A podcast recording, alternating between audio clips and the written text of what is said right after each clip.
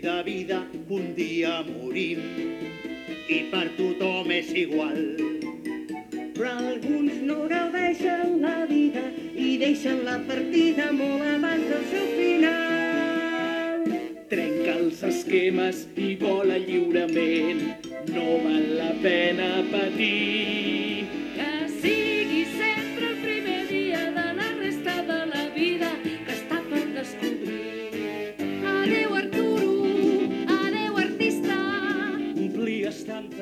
L'herència putativa del senyor Arturo. L'experiència del que fos novetat. Mai no et conformaves amb la mediocritat. Adéu, Arturo, adéu per sempre. Allà passaves, has deixat empremta. De la llarga nòmina d'espectacles multipolifacètics de la cubana i dels seus ara ja més de 40 anys ben portats, hi ha un tret comú. La participació sempre en tots ells, de part o tots els espectadors com a intèrprets improvisats o espontanis, sovint, si es plau per força.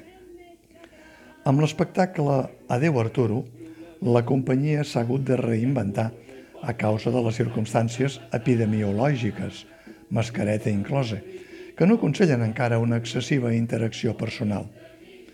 Però això no ha de decebre els milers de cubanaires, cubaneros i cubanites que passaran pel Teatre Coliseum de la Gran Via de les Corts Catalanes de Barcelona, perquè des del primer moment se sentiran copartíceps del funeral festiu que la cubana ha rebut l'encàrrec d'organitzar per atendre les últimes voluntats del patrici andorrà, però establert a Barcelona i tota una figura universal, el senyor Arturo Cirera Montpou, un personatge carregat de medalles, honors i condecoracions de tot el món, entre les quals no falta el venerable llautó de la Creu de Sant Jordi. Tan il·lustre patrici és Arturo Cirera Montpou que la mateixa alcaldessa de Barcelona, Ada per als amics, quan s'assabenta per les xarxes de la seva mort, ofereix el servei de cos present al Saló de Cent de l'Ajuntament. Però la família, una trepa de nebots i nebodes endolats de cap a peus com si fossin corps, i renuncia perquè ha d'acceptar que el tiet Arturo hagi triat el també centenari Coliseum i les seves entranyes per fer, just el dia que complia els 101 anys, l'últim adeu al món. Deia que tothom se sentirà acompanyant i protagonista del funeral festiu. Només entrar, trobaran a les seves butaques els cartellets de rigor distribuïts pel servei de protocol que els identifica com a membres d'alguna de les moltes corporacions, associacions, grups locals o internacionals que un home de món com va ser Arturo Cirera Montpou va conrear al llarg de la seva fructífera vida. Tampoc s'ha d'estranyar ningú que un dels protagonistes del funeral sigui precisament un lloro. Sí, un lloro de vell plomatge i bec esmolat, de nom Ernesto, meravelles de l'ensinistrament del bestiari amb vocació d'intèrpret, que va acompanyar tota la vida Arturo Cirera Montpou com a fidel amic després que li regalés ni més ni menys que el comandant en cap i president Fidel Castro en una de les gires d'Arturo a Cuba. He dit gires perquè Arturo Cirera Montpou va fer tot el que pot fer una persona en aquest món i sempre amb èxit esclatant. Pintar, escriure, esculpir marbres, compondre música, dirigir teatre i cinema, interpretar, col·leccionar peces d'art i mantenir-se solter, liberal i fent sempre el que li havia donat la gana. I sobretot, el més important, aplegar una gran fortuna que a l'hora de l'últim badall sempre és un consol per als que se'n senten hereus legítims, sense saber que hi ha herències que poden ser més putatives del que aparenten. Que ho preguntin, si no, a una de les seves amistats més íntimes, l'Hermina, la veïna de tota la vida, la concertista de la Gran Tuba, que, com ell i la seva família, havien viscut des de sempre al número 23 de la Rambla de Catalunya, just a l'edifici que dona per darrere amb el també tracero del Teatre Coliseum. El mateix edifici que després va ser seu del Departament d'Economia de la Generalitat de Catalunya. Aquell edifici del famós Terrat i la secretària judicial del 27S, que aquell 2017 va haver de saltar per uns armaris del gas que feien d'escaleta mentre fugia cames ajudeu-me per la platea del teatre camuflada com una comediant de la trup o una vulgar espectadora de la funció de la nit per trampejar el tumulto que hi havia al carrer.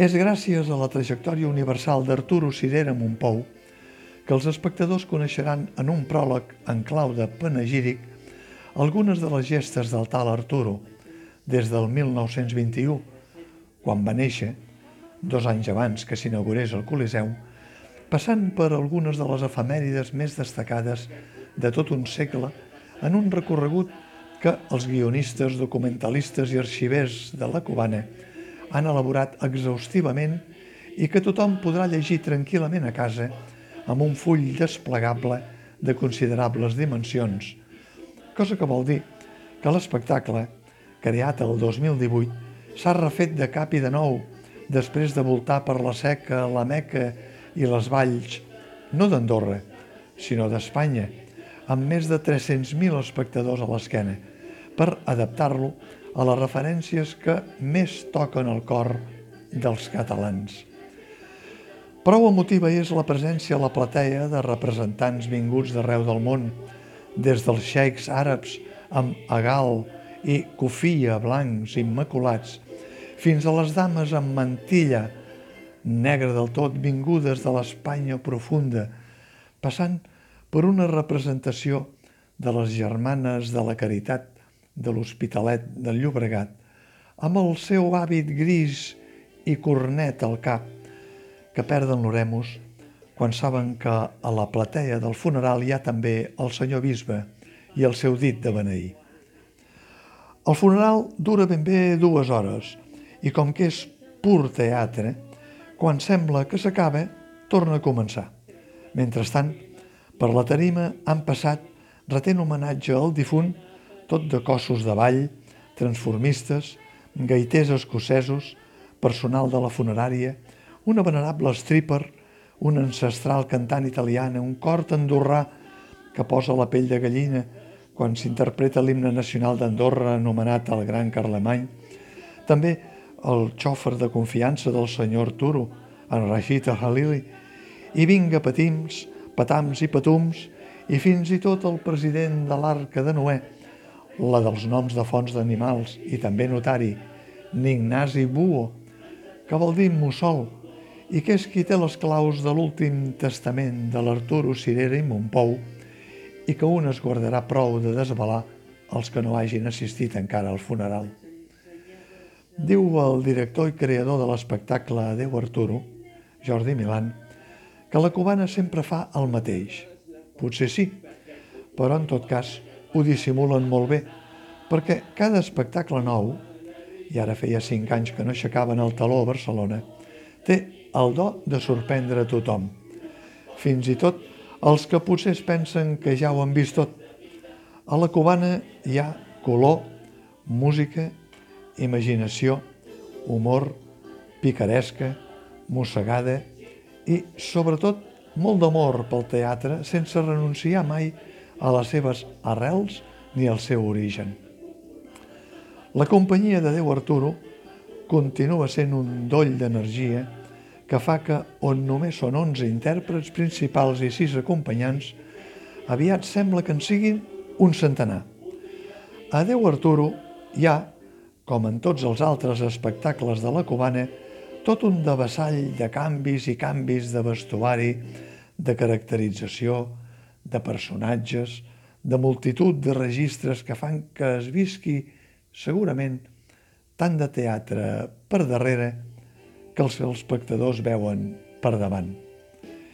I una marca de la casa inqüestionable que fa la impressió que no hagin passat 40 anys llargs perquè, malgrat el relleu d'una nova generació d'intèrprets, sempre hi ha aquells que, pels seus gestos, pel seu parlar, per la seva actitud, semblen els mateixos dels que van arrencar l'aventura de la cubana.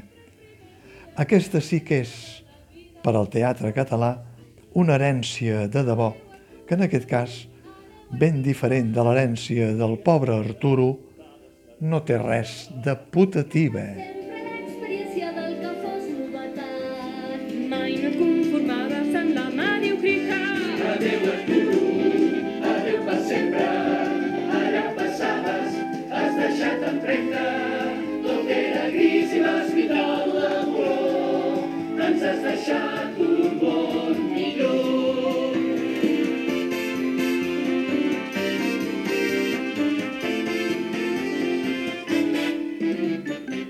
Tu ens ensenyaves a viure el present com el moment més sagrat.